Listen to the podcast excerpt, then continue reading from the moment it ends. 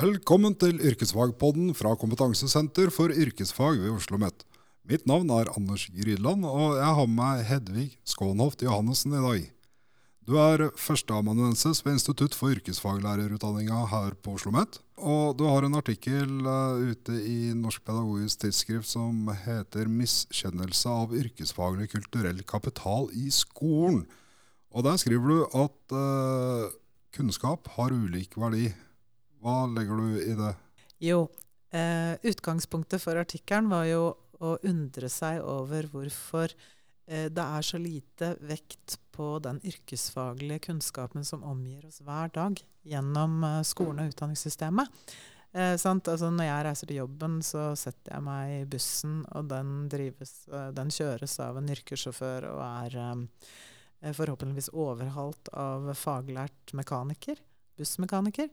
Uh, og uh, hele tida Altså, vi går jo inn i bygninger som, uh, som er laget av fagfolk.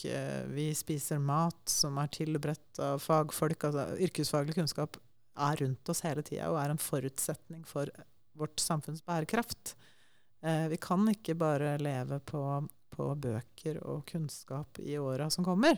Selv om kanskje det da jeg var jente, så trodde vi at vi skulle ha rullende fortau overalt og roboter som, roboter som ordna alt. Vi skulle slippe alt som handlet om praktisk arbeid. Eh, så det var undringa mi. Men så eh, tenker jeg jo òg at i utdanningsforskningen så er det slik at skolen og utdanningssystemet blir sett på som kulturbæreren i samfunnet eh, og formidler hva slags kultur og kunnskap som anses å ha verdi.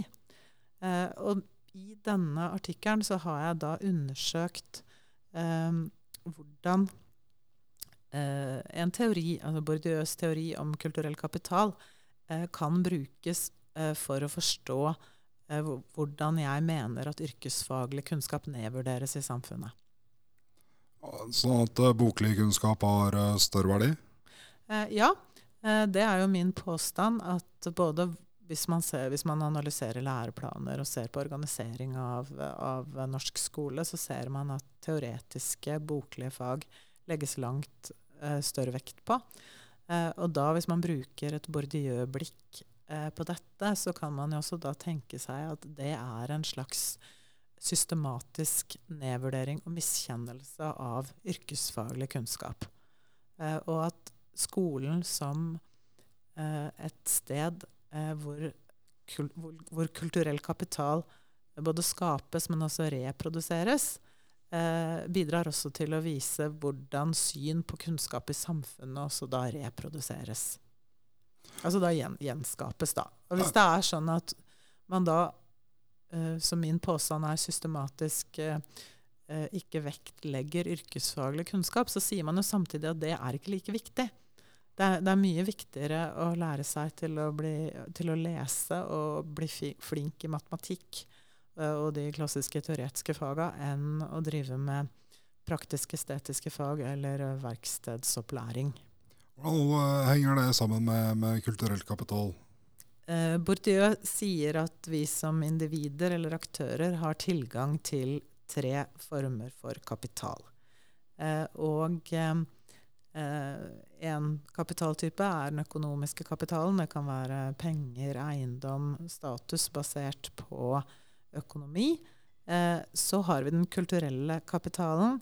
Eh, og det kan være utdanning, eksamenspapirer, det kan være smakspreferanser om, om musikk eller andre kulturelle forhold. Altså går man i teater, eller går man på, på standup på Latter, ikke sant.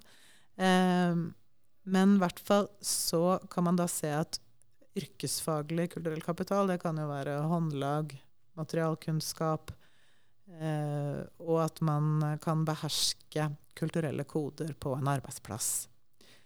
Eh, mens den symbolske, eller den sosiale kapitalen, handler, som også man kan kalle symbolsk kapital, eh, det handler veldig mye om de relasjonene du har, hvilke nettverk du har, og hvem du kjenner.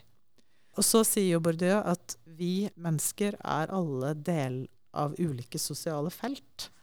Eh, og de sosiale feltene kjennetegnes jo også av ulike kapitaltyper. Eh, og det er også sånn at de eh, tilgangene vi har da, av kapital, om det er eh, yrkesfaglig kulturell kapital eller skolsk kulturell kapital, og det sosiale feltet vi befinner oss i, er også da med på å påvirke hva slags habitus vi har. Eh, og habitus eh, kan eh, forklares som hvordan på mange måter kulturen eh, setter spor i oss som mennesker, og hvilke handlingsrom det gir oss. Så Når vi da prater om uh, yrkesfaglig kulturell kapital og, og, nedvurdering av den, så får den en lavere verdi da, i, i samfunnet enn uh, studiespesialisering og, og akademiske yrker. Er det, er, vi, er det, der vi er? Ja, uh, for det Bourdieu skriver om utdanningssystemets funksjon som eh, å reprodusere kulturell kapital, så handler det jo om hvilke typer kulturell kapital som premieres, altså belønnes, og hvilke typer kulturell kapital som sanksjoneres eller bare overses og ignoreres. Eh, og da er min påstand i denne artikkelen her, med empirisk belegg også fra annen forskning, at, og, og, man kan jo også gjøre læreplananalyse og se at det er skolske, boklige fag, altså akademisk kulturell kapital, som vektlegges gjennom norsk utdanningssystem, og at den yrkesfaglige kulturelle kapitalen får liten plass, og derfor miskjennes. Hvordan påvirker det skolesystemet vårt? Uh, jeg, tenker at, jeg tenker at, vi, at, vi, får en veldig sånn skolsk, uh, akademisk skole. Og det er også litt sånn at elever som er er eh, faglig sterke og har gode karakterer eh, i de klassiske skolefagene som f.eks. norsk og matematikk, eh, de anbefales ikke å velge yrkesfaglig utdanningsprogram. Eh, for det, det, er de litt for gode for. Eh, og i en sånn oppfatning så tenker jeg òg at hvis man bruker teorien til Bourdieu, eh, så er jo det en miskjennelse av yrkesfaglig kunnskap og også av yrkesfaglig arbeid av faglært, eh, solid arbeid. Eh, og at man, man da også eh, framstiller det som at det er en helt naturlig orden. Det kaller jo Bourdieu en sånn naturalisering eh, av eh, ulikheter i, i samfunnet. At, at, det er noen som er dominert, og andre som blir dominerende. Eh, og da kan vi også si at det er en type symbolsk vold.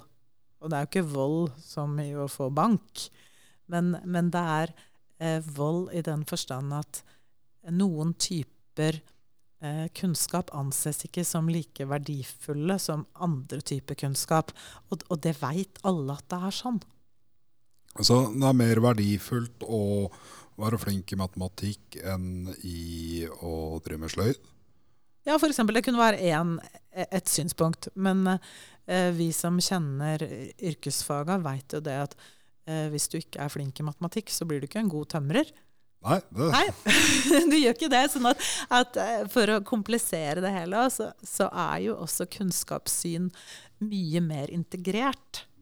Så da kunne vi jo, jo be han eh, René Descartes, som eh, skilte eh, hånd og ånd, eh, om å, å dra langt, langt, langt bort. Fordi han har eh, gjort eh, kunnskapssynet eh, som, som, delt. Altså som en, en, På mange måter at teori og praksis er atskilt. Eh, han, han, har gjort eh, yrkesfagene en meget stor bjørnetjeneste. Sånn så tenker jeg. Eh, for det, det er jo også en annen side av å argumentere som jeg gjør gjennom min forskning, at man eh, lager et syn på yrkesfaglig kunnskap som egentlig ikke stemmer eh, med hva den yrkesfaglige kunnskapen inneholder. Ja, for Du skriver at eh, de unge avspises med billig teoriundervisning og karriereveiledere med mangelfull kompetanse. Er det dette det handler om?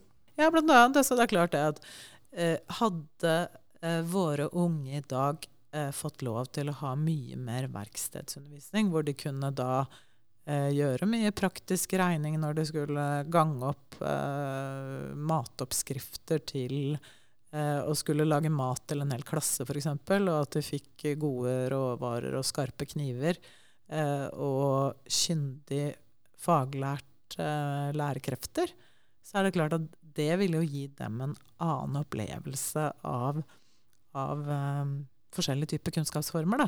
Eh, og det er klart det er jo mye billigere å ha mange elever inne i et klasserom og, og bruke bøker og, og, smartboard og prosjektor, enn, en å skulle f.eks. drive med eh, verkstedsundervisning med masse materialer og eh, dyre redskap og men, men, jeg tenker at det også er en ledd i å lage dårligere bærekraft i samfunnet vårt. da. Blir, blir det for enkelt eller for karikert av meg hvis, hvis man tar akademia på ene sida, og så har man yrkesfag på andre sida, og så står akademia til trim på yrkesfag, og så ser de ikke helt hvor mye matematikk det ligger i ei kake. Så de trekker ut matematikken og, og mener at det er viktigere å, å ha en teoretisk tilnærming til matta? Ja, eller det er sånn at man, man tenker som så at eh, de kan jo tegne kaka. De kan tegne kaka, og så kan de, kan de eh, vise med en utregning hvor uh, mye egg og hvetemel og sukker og bakepulver de trenger til kaka eh, hvis de skal eh, doble eller femdoble oppskriften. Men, men, de ser ikke også hva som ligger i eh, altså verdien i å, å, å, lære seg et håndlag. Eh, å lære seg et, et, faglig blikk. Og at det også ofte er veldig, det er veldig sånn integrert kunnskap i det. Det er, det er veldig sånn teorilada praksis ofte, syns jeg. Eh, og da, da, da, må man også Eller man kan ha, ha en mer eh, en mer praksisorientert teori, ikke sant. Ja. Alle kan jo lære seg å bake ei kake, eller? Ja, og baking er jo kjemi. Ja, Baking er kjemi. Det var Fra mitt tidligere liv som lærer så hadde noen av elevene mine eh, Jeg tror de hadde brukt eh, feil eh, redskap. Så de hadde bakt sjokoladekake med De hadde brukt var det spiseskjeer til bakepulveret. Og de holdt på hele resten av dagen å vaske ovnen på skolekjøkkenet fordi kaka hadde eksplodert. Ja, det, det sier seg vel sjøl hvis man er litt bakkyndig. Hvordan um, angriper forskninga det? Altså, du, du, du, skriver noe om at dagens utdanningsforskning representerer en strukturell determinisme. Når det undersøkes hvordan yrkesfagelever utvikler yrkesfaglig habitus, er det sånn at uh, mye av den utdanningsforskninga som foregår i dag, ikke forstår hva yrkesfagelever holder på med? Ja, det tror jeg. Eh, så, det, hjelper ikke å sende ut spørreskjemaer. Man må jo ut og gjøre etnografisk metode i verksteder og klasserom og i lærebedrifter også. Eh, og, og jeg har jo gjort også forskning sammen med eh, andre forskere her fra Oslo OsloMet, Hege Nore og Leif Lahn, i Mekvet-studien, hvor vi har sett på utviklingen av unges yrkesidentitet, og ser at det er en markant økning i yrke identitet hos unge når de kommer ut som lærlinger i bedrift. Ikke sant? Så det er noe med betydningen også av lærekonteksten. Eh, og, og, også å utøve, oppøve et håndlag. Ikke sant? Altså, det er noe med hele synet på yrkesfaglig kunnskap og praktiske ferdigheter og praktisk kunnskap i vårt samfunn som jeg tenker er å gjøre ikke bare dagens unge, men også hele samfunnsutviklinga vår en, en bjørnetjeneste. At man da nettopp vektlegger den billige teoriundervisninga. Ja, for, for, for yrkesfagopplæring, eh, det koster penger? Det koster penger. Eh, og når jeg også sier da i artikkelen min at, eh, at den oppfatningen av at yrkesfaglig utdanningsprogram det er for de elevene som enten sliter litt faglig eller sosialt, eller begge deler, så er det også eh, en måte å sementere oppfatninger av eh, fag- og yrkesopplæring og yrkesfaglig utdanningsprogram som ikke stemmer overens med både kompleksiteten i dagens yrkesfaglige arbeidsoppgaver og den kompetansen som framtidas fagarbeidere trenger. sånn at altså, man, man både ikke ser på, på de forutsetningene som de unge har. Og jeg tror også at eh, ved en sånn eh, miskjennelse av den yrkesfaglige kunnskapen, eh, så eh, har man heller kanskje ikke den kompetansen som lærere og instruktører i bedrift eh, trenger. Altså det, det, er noe med å, å tenke at uh, kanskje ungdom i dag også er annerledes enn det ungdom var for 5, 10 og 20 år siden. Og at en ting er at det hjelper veldig hvis man har karriereveiledere som også har yrkesfaglig kompetanse eller god kunnskap om yrkesfag og karrieremuligheter i, uh, i yrkesfag, uh, yrkesfaglige yrker og, og næringer.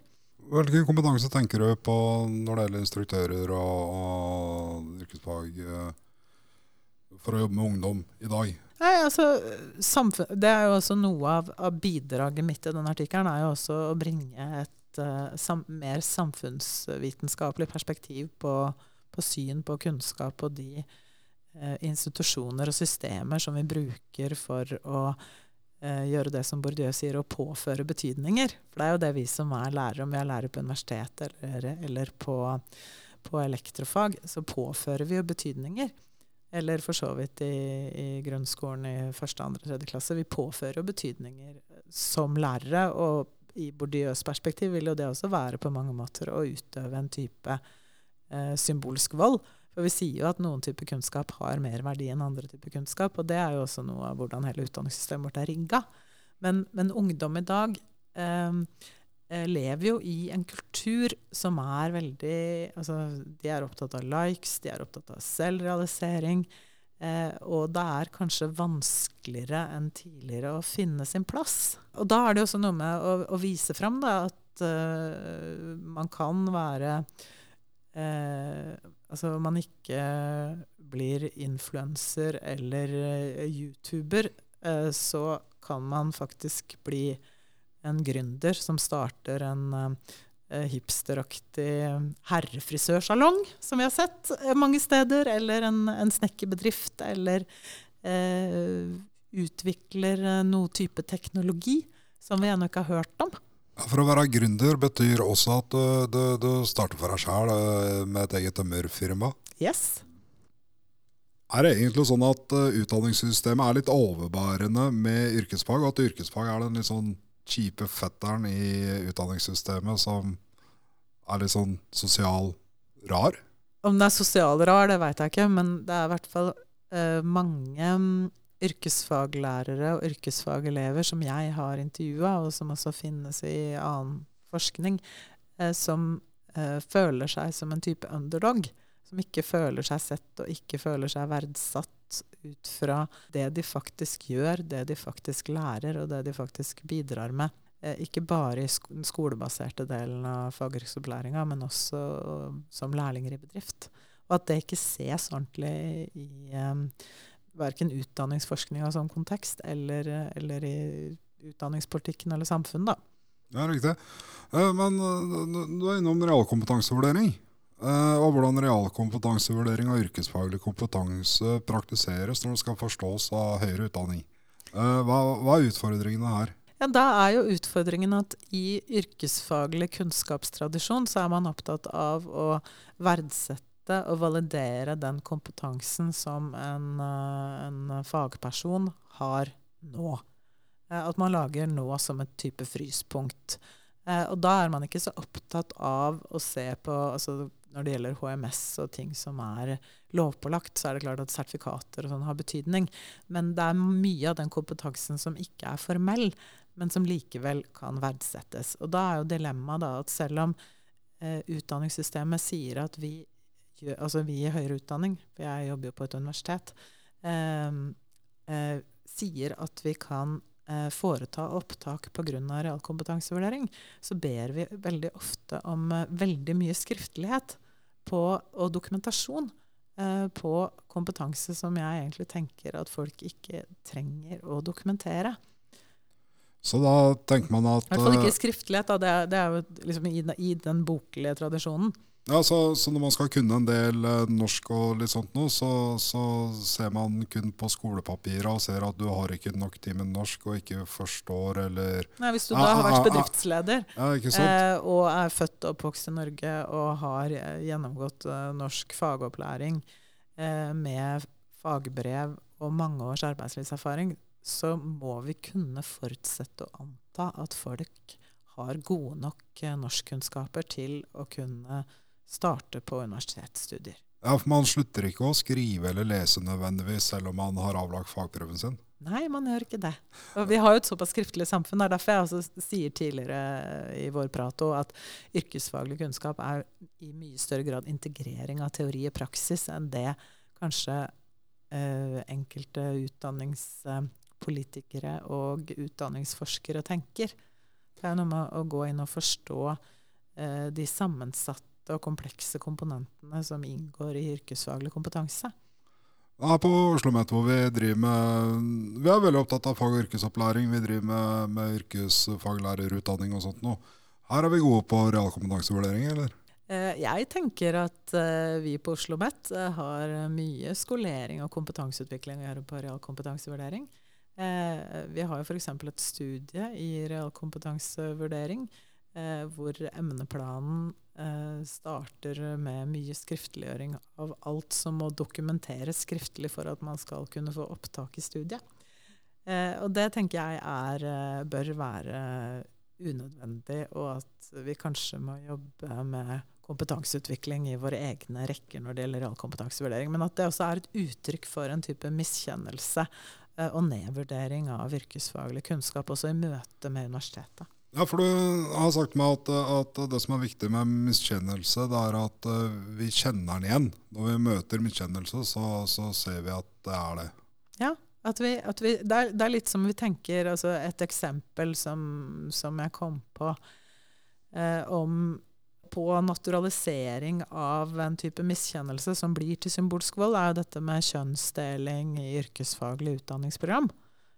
Eh, Det er jo ikke naturgitt eh, at man må ha mannlige kjønnskromosomer for å gå på tippfag, eller eh, kvinnelige kjønnskromosomer for å gå på helse- og oppvekstfag.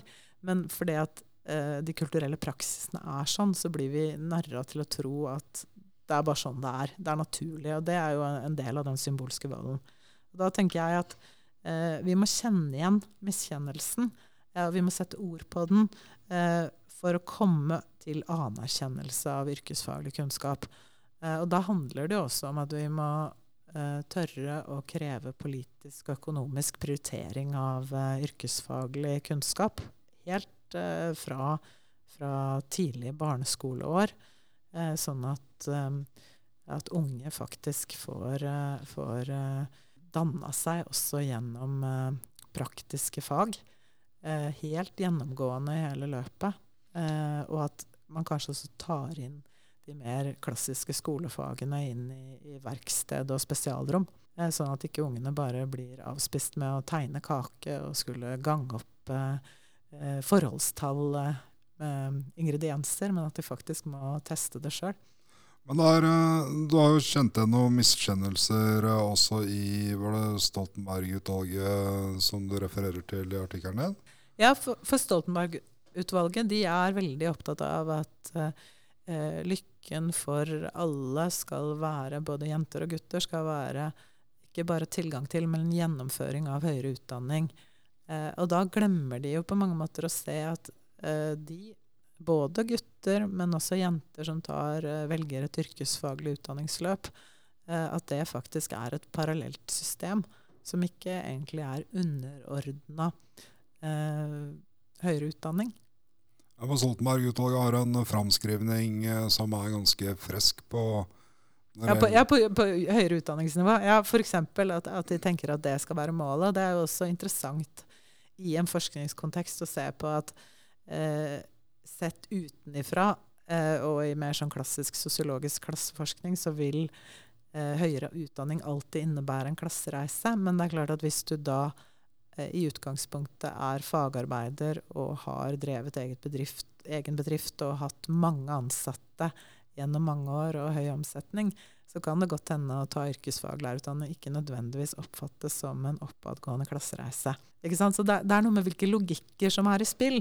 Eh, men hovedformålet mitt er eh, å, å, se på eh, at hvis vi da avdekker de typene av sanksjoner mot yrkesfaglig kulturell kapital gjennom utdanningssystemet, så er det også større mulighet for å lage systemer eh, hvor unge kan eh, utvikle eh, yrkesfaglig kompetanse og, og, være sjef i eget liv og arbeidsliv. Eh, at man ikke nødvendigvis må ta en akademisk utdannelse for å lykkes. Eller at det kan være mange kryssløp. da. Så jeg er veldig sånn klar for å åpne opp eh, for et mer integrert kunnskapssyn. Og da gjelder ikke det bare den yrkesfaglige kunnskapen, men også for så vidt den boklige. Da jeg starta med min uh, utdanning, da, yrkesfaglig utdanning, mm -hmm. i, i, 1993, så, så, mener jeg husker at det var en politiker som mente at i framtidas Norge så skulle vi ikke produsere fysiske ting. Vi skulle produsere ideer og arbeidstegninger som vi skulle sende til et lavkostland. Og så skulle de produsere det fra oss, og, og i det så lå, lå, lå inntektene. Det, det virker ikke som at vi hvis jeg forstår det riktig, at vi, vi, vi er kommet så noe særlig lenger. Uh, for det også var vel da, da miskjennelse av yrkesfaglig kompetanse han ga uttrykk for. Men hva, hva, gjør vi nå for å komme oss videre? Hva, hvordan skal vi få økt uh, yrkesfagenes kulturelle kapital? Nei, altså, altså, Det er vel mer kanskje å øke statusen til yrkesfagenes kulturelle kapital. og da Dels handler det om å eksponere og vise fram og avdekke Eh, det er jo underforska ennå. Eh, men så handler det om at man kanskje også må lage mye mer kryssløp gjennom hele utdanningssystemet, og at eh, vi også tenker livslang læring for alle, uansett hva slags bakgrunn man har, sånn at det er mulig å, å koble seg på høyere utdanning med yrkesfaglig bakgrunn uten altfor mye byråkrati. At man også tenker seg at alle burde kanskje i større grad også vurderes på om de har noe form for praktisk kunnskap. Ta inn over seg at uh, læring det stopper ikke det øyeblikket du har avslutta et formelt læringsløp, og at læring kan foregå andre steder enn innafor en skole eller utdanningsinstitusjon, kanskje? Ja, uh, og at vi nettopp da også må se på at hvis vi ønsker oss um, handlekraftige, myndige mennesker som har, har, makt i eget liv og bidrar i samfunnet, så, eh, så må vi eh, også tenke oss at eh, Oslo Met må rigges helt annerledes for å, ta imot eh, voksne lærere, lærerne med veldig mangfoldig bakgrunn. da. Ja, men Da har vi fått utfordra vår, vår egen arbeidsgiver. Uh, tusen takk for at du kom, Hedvig Skånhoft Johannessen.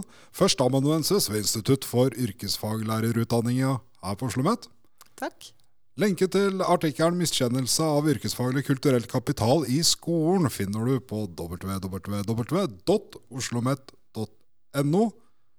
På Facebook-siden Yrkesfagpodden kan du også diskutere denne episoden eller andre yrkesfaglige temaer som opptar deg. Husk også at du kan abonnere på Yrkesfagpodden på iTunes, Spotify og alle andre apper dere bruker for å høre på podkaster. Her kan dere også uttrykke deres meninger i form av stjerner, ratinger og kommentarer.